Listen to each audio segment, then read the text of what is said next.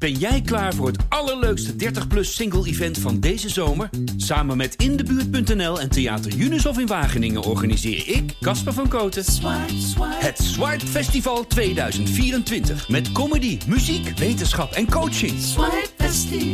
Maar vooral heel veel leuke mensen. Bestel nu je kaart op swipefestival.nl. Swipe, swipe. Welk verhaal schuilt er achter de bekende Nederlandse merknamen? Naamexpert Floris Hulsman weet het te achterhalen in de zogenaamde podcast.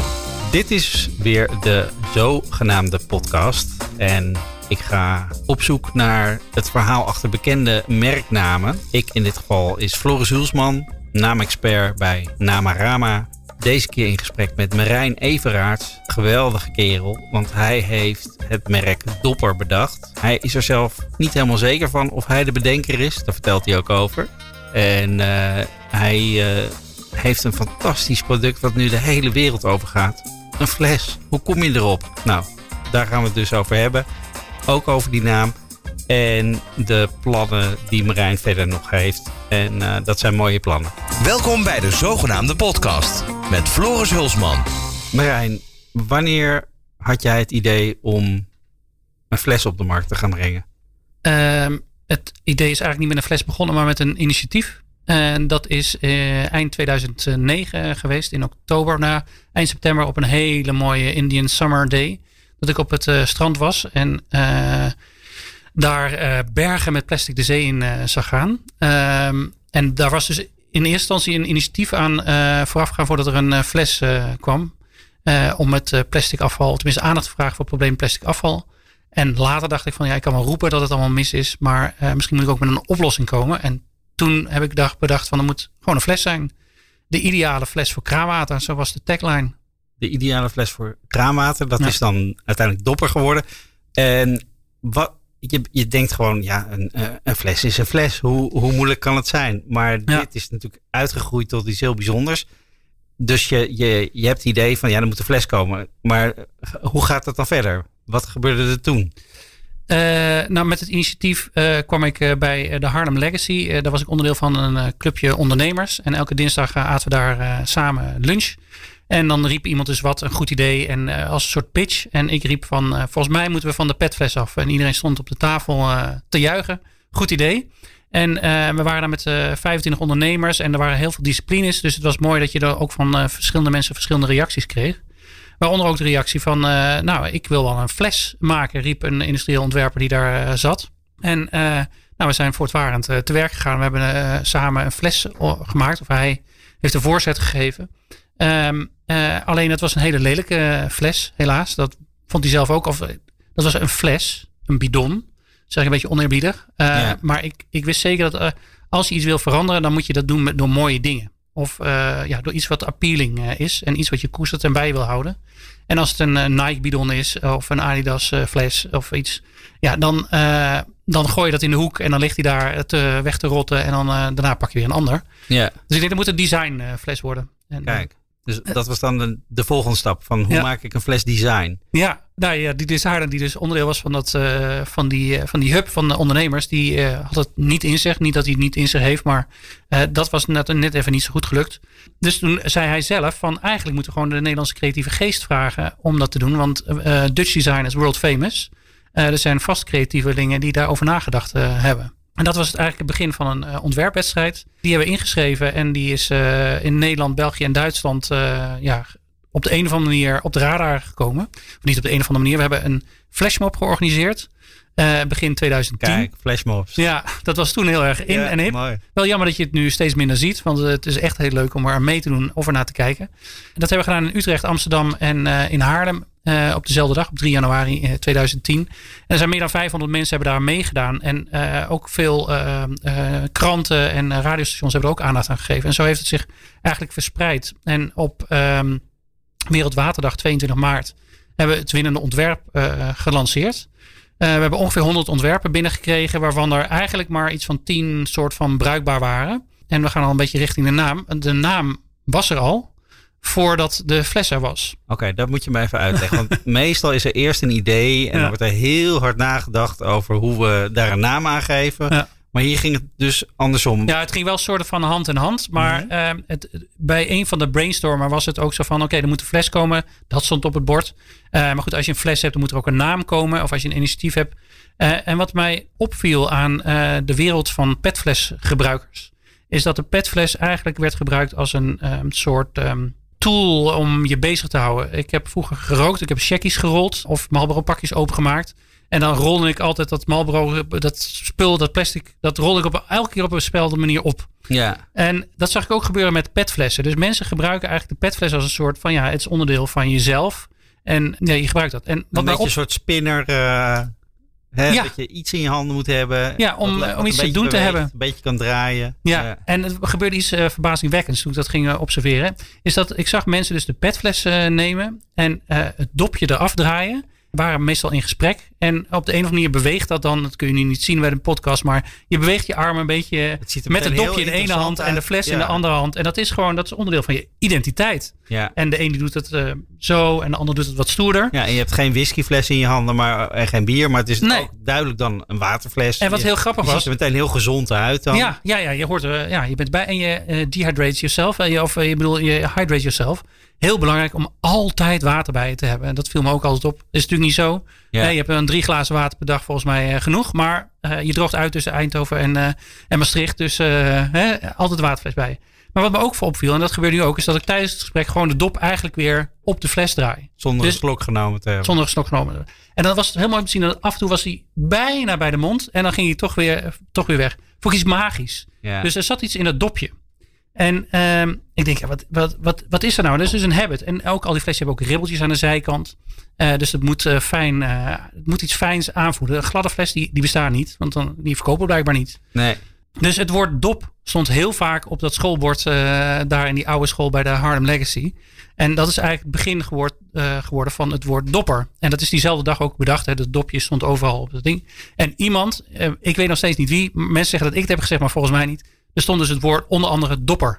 En er zat een eh, andere, een, illustrator zat er eh, ook aan tafel. En die is gelijk tijdens die brainstorm eh, schetsen gaan maken. En aan het eind hadden we dus, nou de naam was nog niet zeker, maar er stond en het woord dopper. En zij had aan het begin, die zag die R van die dopper en denkt, ah, dat is een soort kraantje, kraanwater. Ja. En ehm, zo zijn er eigenlijk een paar dingen bij elkaar gekomen. Dus het R'tje is de, een kraan met een druppel eh, eraan. Ja. Eh, dat is de R. En eh, DOP, dop, eh, is de magische dop. Die niet alleen op en af het flesje ging. Maar wat eigenlijk ook een grote handicap was bij eh, veel flessen, duurzame flessen. Is dat er alleen maar een dop op zat. En je dan de fles niet goed kon schoonmaken. Dat heb je bij een bidon heb je dat eigenlijk wel. Dat Ja, de grote, grote opening. opening. Maar er zit wel een heel lelijk dopje eigenlijk op. Zo'n heel Ja, afgekloven. Ik heb Afgekloven. van die afgekloven Ja, eh, zuig- zuignapjes erop inderdaad. Ja, en je hebt eh, ook best wel veel duurzame flessen. Zik is daar één van. Niks ten nadele van Zik. Het is een fles die eindeloos meegaat. Dus supergoed. Maar daar krijg je dan tools bij om het dan van binnen schoon te maken. Ja. En je ziet niet eens of je het goed schoonmaakt. Dus nou goed, zo kwamen alle dopjes eigenlijk eh, bij elkaar. Dus de vraag was aan bij de ontwerpwedstrijd. Maak de meest ideale fles voor kraanwater. Hij heet Dopper. En verder was er geen vraag. Het moet duurzaam zijn. Eh, en daar is eh, uiteindelijk dan eh, de Dopper uitgekomen zoals hij nu eh, hier op tafel eh, staat. Ja, en was eh, voor, de, voor de mensen die hem niet kennen, eh, de, de dop is, is ook echt heel erg aanwezig. En, en is dan ook weer eigenlijk een soort voetje. Ja. Voor een, je kan er een soort glaasje van maken. Ja, ja nu, eh, dus de naam was er en de vraag was er eh, voor de ontwerpwedstrijd, maar er was nog geen fles. Ja. dus eh, we hebben die vraag uitgezet en de, dopper die dus gewonnen heeft, of de fles die gewonnen heeft, is de dopper geworden. En het mooie van Rinke van Remortel heeft het ontworpen, een, een zeeuw en alumni van de TU Delft. Ehm, en ehm, als je de dopper omdraait, dan fungeert eigenlijk de dop als een voetje. en de kelk eigenlijk als een soort podium. En wat hij dus bij het ontwerp schreef, hij wil eigenlijk water op een voetstuk zetten, kraanwater op een voetstuk zetten. Mooi. Dus dat, zo kwamen er echt heel veel mooie dingen. Ik krijg nog kippenvel als ik het, toen ik het las ook, maar Ja, nu, nu ja. weer. Dan denk ik, het was zo mooi over nagedacht. Eh, en ja, we hebben het model ietsje aangepast, maar uiteindelijk is daar een hele iconisch ontwerp eh, uit voortgekomen, waarin ook alle verhoudingen kloppen. Want Ja. dat is bij dus het vorige ontwerp was het niet zo. En bij heel veel andere flessen die ik in de wereld zie, denk ik ook, ja, het klopt net niet. Dat luistert heel nauw. Ja, Ja. Ja. En ehm, dan heb je dus een, een, eh, een ontwerp in handen. Dan krijg je allemaal volgende stappen. Het moet gemaakt worden. Het moet misschien gepatenteerd worden. Ik, ik Ja. denk bijna van een fles op de markt brengt, dat kan toch, dat kan toch iedereen? Straks staat er een Chinese fabriek uh, dat allemaal dagelijks gewoon te draaien. Hoe, hoe gaat dat dan verder? Nou, dat was nog best wel een lastig proces, want er was een hele mooie fles, maar dus nog geen producent. Nou, ik kom uit de evenementenbranche en in de evenementenbranche dan bel je inderdaad China en dan krijg je 5000 petjes of uh, whatever je maar wil. Custom made met een naam erop. dus ik denk, zo moeilijk kan het niet zijn. Ik wilde het wel in Nederland houden.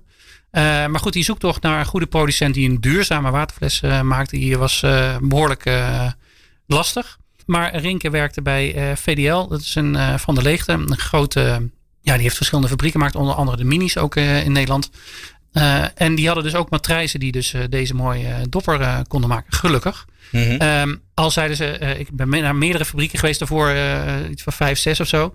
En uiteindelijk kwamen we bij VDL en zeiden we kunnen het maken. En toen een week later belden ze op, nee Marijn, sorry, we kunnen het toch niet maken. En toen hadden ze dus een voorstel gemaakt voor een ander ontwerp. Dus ja, ik zeg het ontwerp bestaat al, dus je kunt, kan nu niet een ander ontwerp gaan maken. Nog niet echt beseffende dat het ook een iconisch ontwerp was, maar ik denk ja, ik kan nu niet iets, iets anders aan gaan bieden. En dus toen zijn we met de fabriek, ik zei nou goed, uh, het is zoals het is. Ik zeg maar, alsjeblieft, uh, of tenminste een week later belt Ik zeg, zou je toch nog één keer willen proberen over na te denken?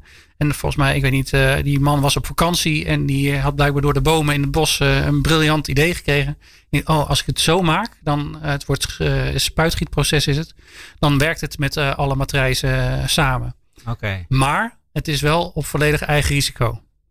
Wat dus, houdt eigen risico in? Nou ja, uh, we gaan een fles maken, maar we weten niet of het lukt om hem te maken. En we weten ook niet of die waterdicht uh, wordt. Dat kunnen we gewoon van tevoren niet beloven. En ik dacht, ja, dat is, ik ben iets van een paar duizend euro kwijt, dan maken ze een flesje. Maar dat was meer dan 100.000 euro. Ehm, dus het risico, het eigen risico, was behoorlijk groot. Maar het ontwerp was zo goed. En ook omdat Rinke industrieel ontwerp, die heeft gewoon meegetekend en meegedacht de hele tijd. Um, had ik er zoveel vertrouwen in dat ik denk, ja oké, ik kan of over een tijdje een huis uh, ervan kopen. Want ik had uh, een erfenis uh, gekregen. en dat was niet het volledige bedrag overigens, dat was een deel van het bedrag. Ja. maar ik kan ook met dat deel van het bedrag en mijn ouders en vrienden overhalen om mee te investeren. En dan hiervoor te gaan. Dus ja. dat risico te nemen om iets neer te zetten. Maar dan moet je er dus echt in geloven. Ja. En verwees je dan ook de hele tijd naar die naam van Dopper? Hè? Dat je, dan kon je, dan heb je iets in handen eigenlijk met zo'n naam. Nou ja, het logo en uh, de naam die lekker klinkt, uh, lekker resoneert, die heeft denk ik ook uh, meegeholpen aan het succes en dat mensen erin in geloven. Ja. en het mooie is ook dat het niet een bestaand woord is, was, moet ik zeggen, in Nederland in ieder geval. Oké. Want je had geen moeite om het te registreren. Het klinkt bijna als een heel gewoon woord. Nee, er, zijn, ja, nee er, er, waren wel andere dingen die ook dopper heten in de wereld. Maar die hadden totaal geen relatie tot, tot een waterfles. En dan mag je dat gewoon registreren. Geweldig. Um, uh, in, in, in België is het trouwens volgens mij het enige land waar het wat betekent. En in andere landen heette iets dopper. Een fabriek of uh, een, een, speelgoed iets. Uh, maar in België betekent het steuntrekker. Ah. Uh, dus dat is wel, je bent aan het dopperen als je, als je geld van de overheid krijgt zonder daar echt voor, iets voor je best voor te doen. Dus ehm, ik dacht ook, België is het land wat we zeker niet moeten benaderen om, om uh, markten te veroveren. Maar België is een van onze best lopende landen op dit moment. Dus dat is, dat is wel heel grappig. Ja, dan maar goed, bij hun resoneert het dus anders dan, bij ons. Dan hoor je dat, eh, misschien betekent het al geen eens meer dat. Hè? Is het nog iets van vroeger of uh, uit andere Nou, het wordt nog wel gebruikt. Ah, oké, oké, dat weet je wel. Ja. En uh, hoe zagen die eerste flessen eruit dan? Uh, nou, uh, van de buitenkant exact hetzelfde als dat ze er nu uitzien. Uh, alleen het binnenwerk en trouwens inmiddels ook het materiaal is meer dan 100% of is 100% veranderd dan nu. Het idee was om zonder afsluitbare ringen te werken. Omdat we met zachte en hardere materialen werken. Net als een, een, een codafles of een petfles. Die lekken ook niet. Yeah. dus het was goed bedacht. Alleen die uitwerking heeft tot op de dag van vandaag bij ons niet gewerkt. En wat we zeker willen weten, dat die, uh, dat die helemaal watertight is, zoals dat heet, uh, uh, hebben we er ringen in gezet. Maar goed, het had ook te maken met, ja, ik wilde de meest duurzame fles maken. En hoe meer materialen je aan een fles toevoegt, hoe lastig het is met recyclen. maar goed, daar, daar hebben we ook over nagedacht in het proces. Dus dat, dat is ook getackled. Maar dat was wel een van de redenen om geen extra materiaal toe te voegen, zoals ringen bijvoorbeeld. Oké, en, en was het in, meteen in een kleur of meerdere kleuren? Uh, blauw was uh, de kleur van water. Dus ik ja. denk uh, dat dat paste bij me. Van origine was het eigenlijk het idee om een stalen fles te maken. In het kader van de duurzaamheid gaat dat vele malen langer mee. Ja. En staal kun je 100% recyclen en met plastic nu wel. Maar toen 12 jaar geleden is dat nog niet zo eenvoudig. Um, dus daarom wilden we eigenlijk voor een staal, een staal exemplaar gaan. Maar uh, daar kwam ik uit bij een Nederlandse fabriek op 75 euro uh, extra investering. Uh, per fles. Om, 75 euro. Ja, en echt een paar meer, ik geloof iets van 500.000 aan investeringen in robots yeah. en machinerie. maar goed, dus uiteindelijk is die stalen fles er wel gekomen, maar dan een paar jaar, paar jaar later. waarin we ook wisten wat we moesten, hoe dat dan het proces werkte. Ja, en nou, dan gaan we wat, wat verder vooruit in de tijd. je vertelde me net een kantoor in New York. Ja. Hoe, hoe, wat, wat gebeurt daar nou? Je, je hebt de wereld veroverd. Nou ja, dat, uh, ja, op Facebook wel, maar in real life uh, niet. nee, mijn uh, idee was vrijwel vanaf het begin. Het is een wereldwijd probleem. Dus dat moet je ook wereldwijd aanpakken. Um, dus ik had bedacht, op acht plekken in de wereld hebben een ambassade. En op die manier kun je de wereld omarmen. en van alle kanten je boodschap uitzenden. Ja, heel kort, hoe, hoe begin je een ambassade? Je, je reist er gewoon heen en, en ja. je, je, wijst iemand aan? Nou, dit is echt het beste advies, uh, not. Maar uh, om uh, vestigingen te beginnen. Ik had wereldsteden op mijn kaart gezet waar ik nog nooit geweest was. En ik denk dat zijn de steden om te beginnen, want dan zit ik op elk werelddeel. Dus San Francisco, Hongkong, Sydney, Australia. Nou, ga zo maar, ga zo maar door. Um, maar goed, we zijn dus uh, uiteindelijk hebben we ook uh, onder andere vestiging gehad. letterlijk in Hongkong en in Rio de Janeiro en in San Francisco. En die hebben allemaal moeten sluiten. Omdat het gewoon, ja, we waren meer bezig met investeren in de vestigingen zelf. Dan in het verspreiden van onze boodschap. En dat, ja, daar het is, is het mij om te doen. Niet om vestigingen te openen en doppers te verkopen. Maar om zoveel mogelijk impact te maken. Dus dat was geen logische stap. Uh, we zaten in San Francisco. Dat is al een hele duurzame stad waar iedereen al weet hoe het, uh, hoe het werkt. Dus dat was geen goede keuze. Je hebt 11 uur tijdsverschil. En als je naartoe vliegt, dan ben je doodmoe. En als je terugkomt ook. Dus het was niet zo succes. Dus daarom dacht ik naar New York verhuizen. Uh, maar daar verdwaal je in de grootheid van, van New York. Dus als advies voor ondernemers. Begin klein en maak kleine stappen. het is mooi om grote dromen. Maar soms moet je ook wel weer met bijna benen op, de, op aarde staan. Ja, maar inmiddels is de fles dus wel wereldwijd verkrijgbaar. Ja, nee, dat wel. Alleen uh, voor mij, uh, nogmaals, de impact is het allerbelangrijkste. En uh, dat doe je door echt aanwezig te zijn in de markt en daar ook te begrijpen wat er speelt. Want het speelt per markt is dat toch weer anders. Um, en dan kun je pas het verschil maken. Dus verkopen één, dat gebruiken we dat geld om onze missie te bereiken. Ja. Maar dan wel liever graag dat mensen ook weten waar je voor staat. En, en die naam is dan ook overal hetzelfde? Ja, die is overal hetzelfde. En die werkt ook uh, overal. En die resoneert overal uh, net zo lekker gelukkig. Geweldig. Ja. Hey, um, dan ja, je, je missie is natuurlijk de, de wereld schoner maken. Pet, de petfles de wereld uit. Van de petfles af. Ja. Um, uh, hoe, hoe, uh, hoe gaat dat dan eruit zien in de toekomst? Moet, moet Coca-Cola ook uh, een, in een dopper geschonken worden? Of mag in een dopper. Nou, onze focus is kraanwater. Dus misschien dat zij hun eigen duurzame waterfles op de markt brengen. Ik kom uit de horeca. Postmix bestaat al volgens mij 25 of 30 jaar. Ja. Het zou natuurlijk leuk zijn als je gewoon je duurzame Coca-Cola fles in de supermarkt bijvult. Bijvoorbeeld. Goed idee. Ja. Nou, vind ik hoop dat ze luisteren. Nou vond ik postmix nooit zo lekker, maar... Nee, het heeft net een iets ander smaakje, ben ik mee eens. Maar goed, eh, je kunt ook zelf cola thuis maken. Uh, en je kunt ook, dat is misschien nog het allerverstandigste... gewoon water nemen en een klein beetje uh, gember erin raspen. Dan heb je ook een ontzettend lekker drankje. Ja, en je hebt nu, uh, om, je, om je missie voort te zetten, dus je, uh, het gaat nu niet alleen maar over flessen. Je bent bezig ook met mensen te, te, dingen te leren, educatie zoals je dat noemt. Ja. Uh, en daarnaast ben je ook nog een restaurant begonnen, om maar eens ja. een zijstraat te noemen. nou ja, uh, wat ik, sowieso ben ik vrij meer in de natuur opgegroeid. Nou, niet in de natuur opgegroeid, maar wel met respect voor, voor de natuur en het welzijn van mens en, en dier.